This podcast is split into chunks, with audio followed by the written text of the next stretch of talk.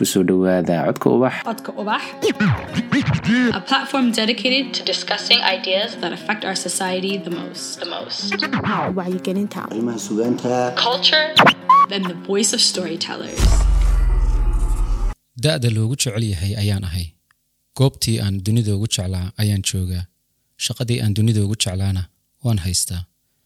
Laba sanno ayaan macallin ahaa. Macallin ku fiican maaddada uu dhigo aniga oo qoslaya ayaan dugsiga tagaa. Aniga oo faraxsanna waan ka imaadaa nolosha ayaa iskugu kay beegan.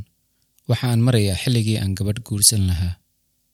Inantii dhaqaaqdaba waan sii eegayaa iyaguna iima darna haddii aan balwad leeyahay waa la kaftanka bilaa turxaanta ah ee hablaha.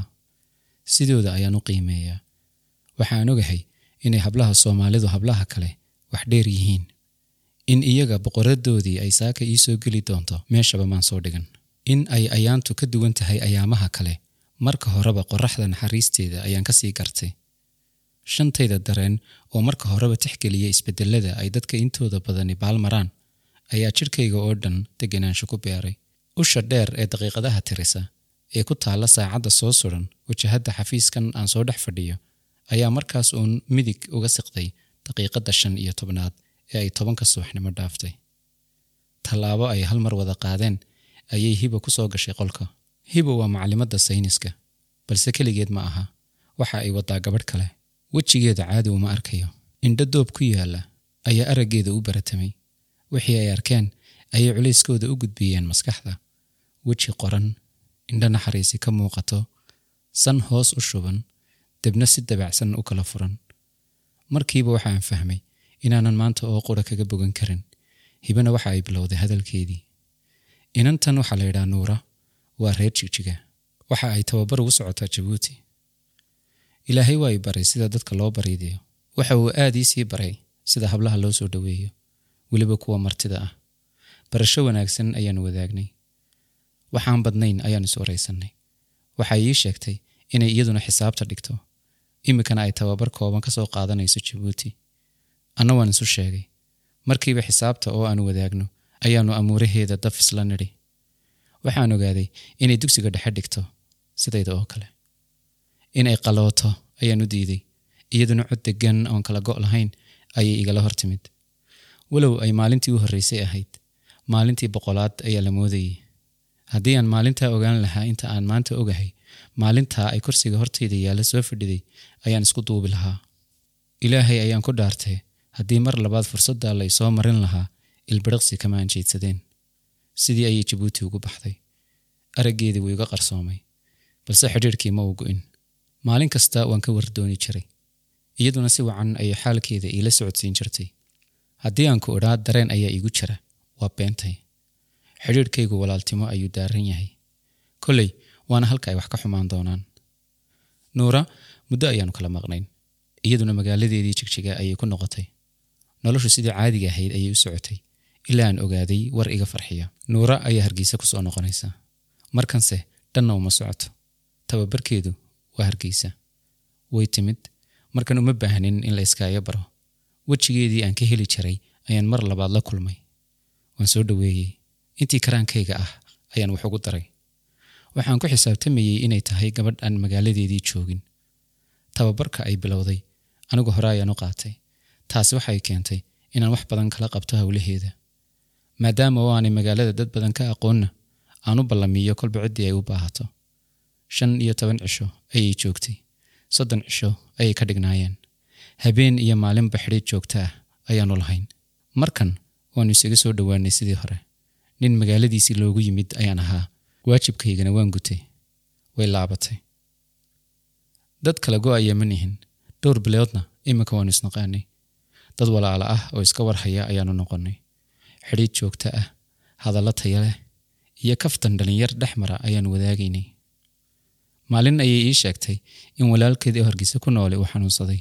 Waxay ii raacisay inay iman doonto si ay u xanaanayso inta uu cisbitaalka ku jiro. Xanuunkan waan ka naxay. Imaatinkeedana waad garan kartaa sidaan noqday. Waxaan sugayaa kulan farxadeed. Waanu noqon doonaa balse kulan kuwii ka duwan ayuu noqday anigu maxamed ahaan xidhiirka naga dhexeeya waxaan u arkaa mid walaalnimo. Wanaagga aan falayana waxaan u arkaa mid waajibkayga ah. Falalka aan samaynayaa inay iyada qalbigeeda iniin kale ku beereen ma ogi. Waase sida ay tahay. Nuuri way ka heshay dabeecadahayga. Hargeysa sidii ay u timid.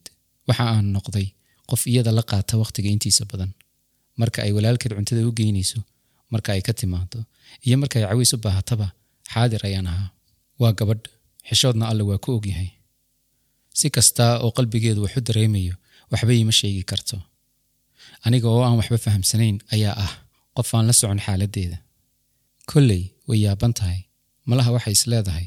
Qofkan intan oo dhan ku wanaajinaya muxuu wax kugu sheegi la'yahay nin waxaaba la haysta ma ihi. Waxba ma dareensani anigana waxba ima hayaan. Laba iyo labaatan cisho ayay joogtay hargeysa. In ka badan oo wadnaheeda ah ayaan la wareegay aniga oo aan ogeyn way noqotay. Xidhiidh aan dhammaad lahayn ayaannu dabada haynaa. Iyaduna way soo wacdaa habeen kasta. Waxaan ogahay in taleefonka iga soo wacdaa uu qiimo badan ku joogo. Isma weydiiyo sababta ay kharashkaas oo dhan u gelayso. Markii dambe ayaan anna markaygii howlo shaqo u tegay jigjiga. Waan u sheegay farxad ayay cerkaa martay. Waxa ay toban cisho sii karaysay qol ku yaalla hodheelada ugu wanaagsan magaalada. Qolkii ayay waxyaabo badan ka beddeshay. Qalab aan marka hore dhex oolin ayay sii dhigtay sida tallaagad intaas waxa dheer inamada shaqaalaha ah oo iigu ballamisay cuntadayda inankaasi inta uu joogo waxa uu doonaba siiya ayay ku tidhi. Hodheelkii ayaan ku soo degay. Habeennimadiina waxa ay samaysay casuumad casho. Asxaab badanna way u yeedhay waa soo dhoweyntaydii cirkaas ayay igeysay boqor yar ayay iga dhigtay. Wanaagga way u dhalatay nuur waa qof aad u wanaagsan inay wanaagga waxu dheer yihiin wallay iga tahay. Taasi waxa ay keentay inaan gabadh asxaabteeda ka mid ah la sheekaysto habeenkaas. Waan ogahay way fududdahay in iminka lala yaabo ficilkaasaan habeenkaas sameeyey. Haddiise aad aniga ahaan lahayd ilamaad yaabteen. Qof kasta oo yaqaana waxa uu ogyahay inaan hablaha si caadi ah oo aan ujeedo lahayn ula kaftamo. Waa dabeecadaan leeyahay. Midda labaad ma ogeyn dareenka nuuro ku lamaan. Miis dheer oo ay cunta dul taallo ayaa dhexdayada yaalla anigu dhinac ayaan ka fadhiyaa. Dhinaca kalena waxaa ka soo jeeda nuura iyo inanta kale. Garabka midig ee nuura ayay inantu fadhidaa. Cawayskii oo dhan waan la sheekaysanayey nuura oo ag fadhidana waan iska iloobay. Markii la hoyanayey inantii kale ayaa igu sii qaaday baabuurkeeda hodheelkaygiina ii hor dhigtay. Anigu maadaama oo aanan dareenka nuuro ogeyn inantan ayaan habeenkii oo dhan la sheekaysanayay ilaa aan ka gam'ay. Maalintii saddexaad ee aan jigjiga joogo weeyaan nuurina. Xil ayay iska kay saaraysaa. Waxay ii sheegtay inay dalxiis magaalada koonaheeda ah ii saari doonto. Iyada iyo asxaabteeda ayaa imadadaalin doona. Nacasnimadayda inan baabuurka ila saarnayd oo agtayda fadhiday ayaan anna madadaalin ku bilaabay. Hadal uu ilaahay ii dhiibay ayaan qosol iyo kaftanba kaga keenay. Maalintaasina sidaas ayay ku dhammaatay. Maalintii u dambeysay waa shan cisho oo aan jigjiga joogay kadib markan waa keligeed marka laga reebo darawalka gaadhiga qiyaastii waxay islahayd cid kaa jeedisaba ha soo kaxaysan. Waxa aanay ku xisaabtamin in meesha aanu u soconno ay habla joogaan. Baabuurka ayaa magaalada nala dhex qaaday. Allaha u naxariistee saade cali ayaa ku luuqaynaysa. Hadduu caawa igu yidhi badda cagaha geliyo soo xidha cunaabida. Iyada oo qoslaysa ayay nuuri ku luuqaynaysaa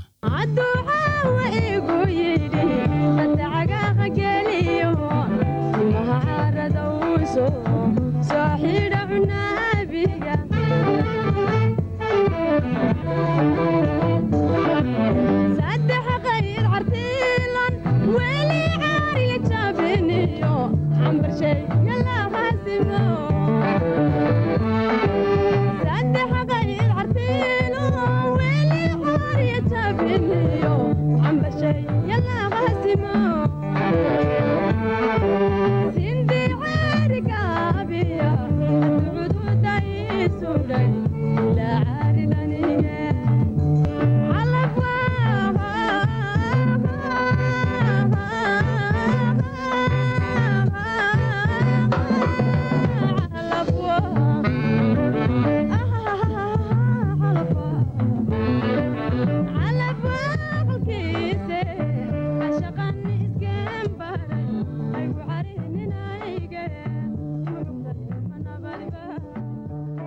Goobtii aan uu soconnay ayaannu nimid. Waa gal weyn oo ay biyo fadhiyaan. Doogga ayaannu marba dhinac u lugaynaynaa iyada oo heestii si kaliya laaba u qaadaysa.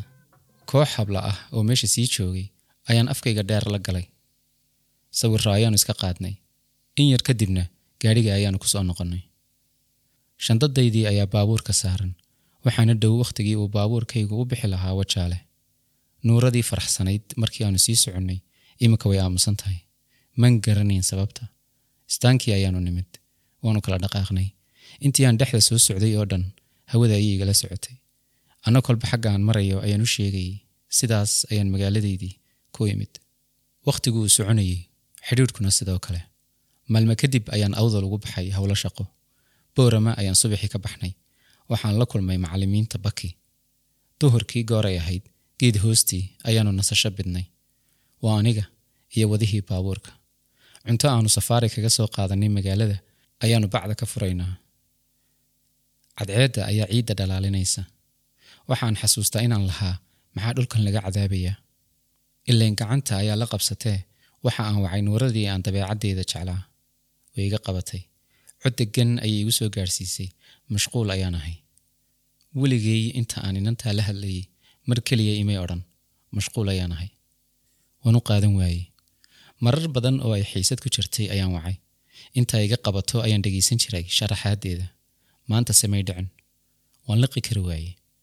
Markaas ayaan ku idhi hadal qalbigeeda dhaqaajiyey. Indhaheedana qasabado ilin ah ka furay. Waxaan ku idhi walaalaan ku heshaday idaa ha odhan lahayda. Oohin ay xajisanaysay ayaa soo dhaaftay. Waan isku dhex yaacay. Oohinta hablaha ayaan dunida ugu nacbahay. Waan khalkhalaa. Waxa ay bilowday inay iga sheekayso wixii aan baday. Sidii ay ii soo dhoweysay sidii ay isugu dayday inay waxii dareensiiso anna aan naaga kale ula kaftamayey runtu fool xumaa marka dhabta laguu saaro. Dhan marka la eegana maan ogeyn inay dareen ii hayso. Markaa qalad inaan sameeyey isumaan arkayn. Balse iminka markay ii sheegayso waan isku khajilay.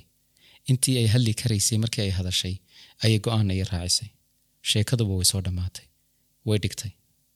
Waxaan dareemay in wadnaha hoos la ii jiidaya markiiba waxaanan filayn ayaa helay.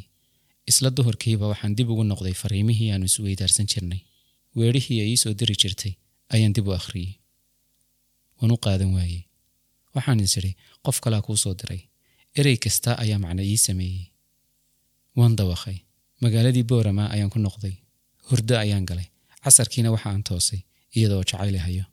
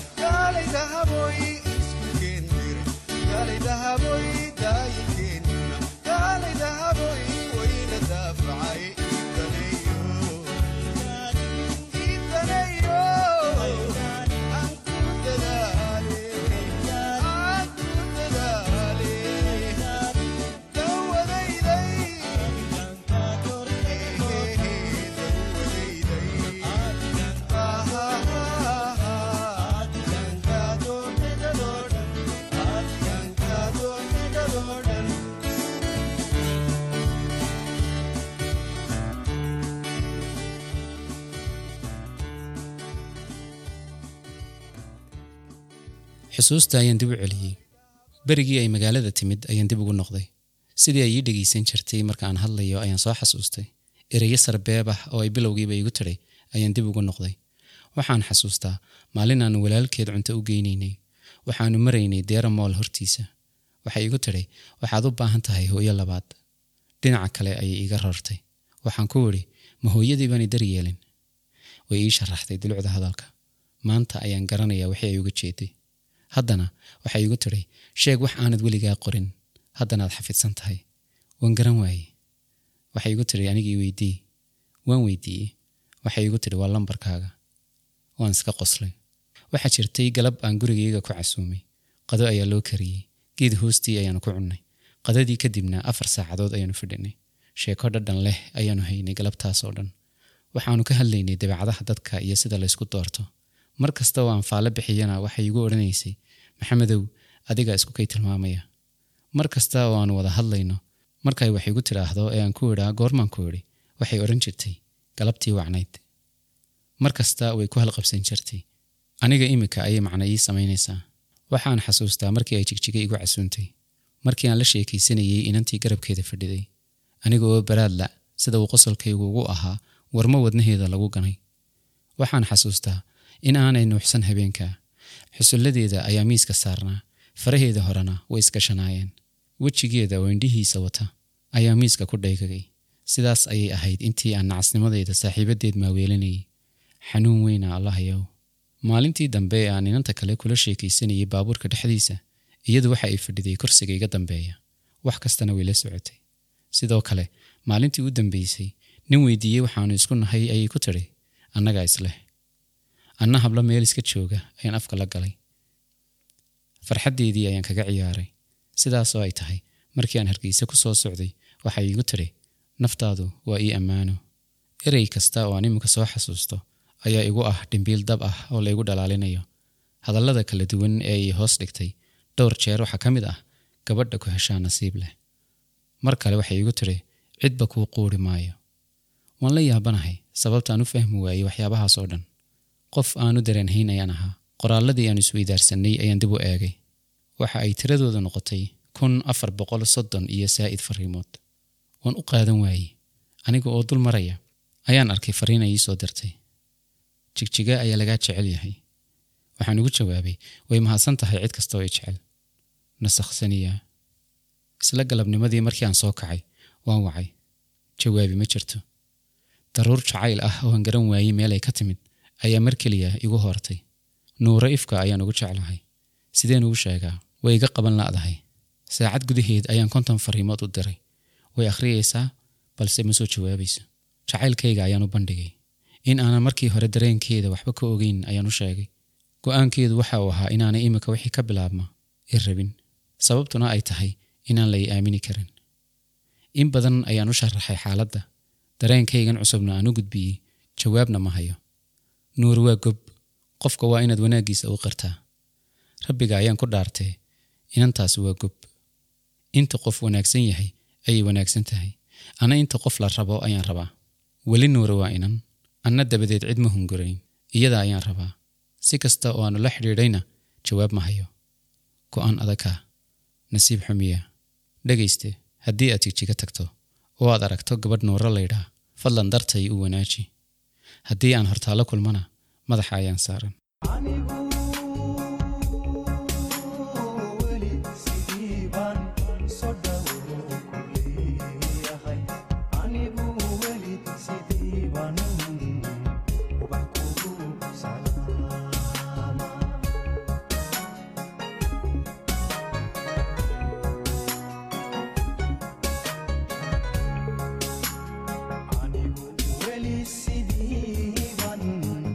thank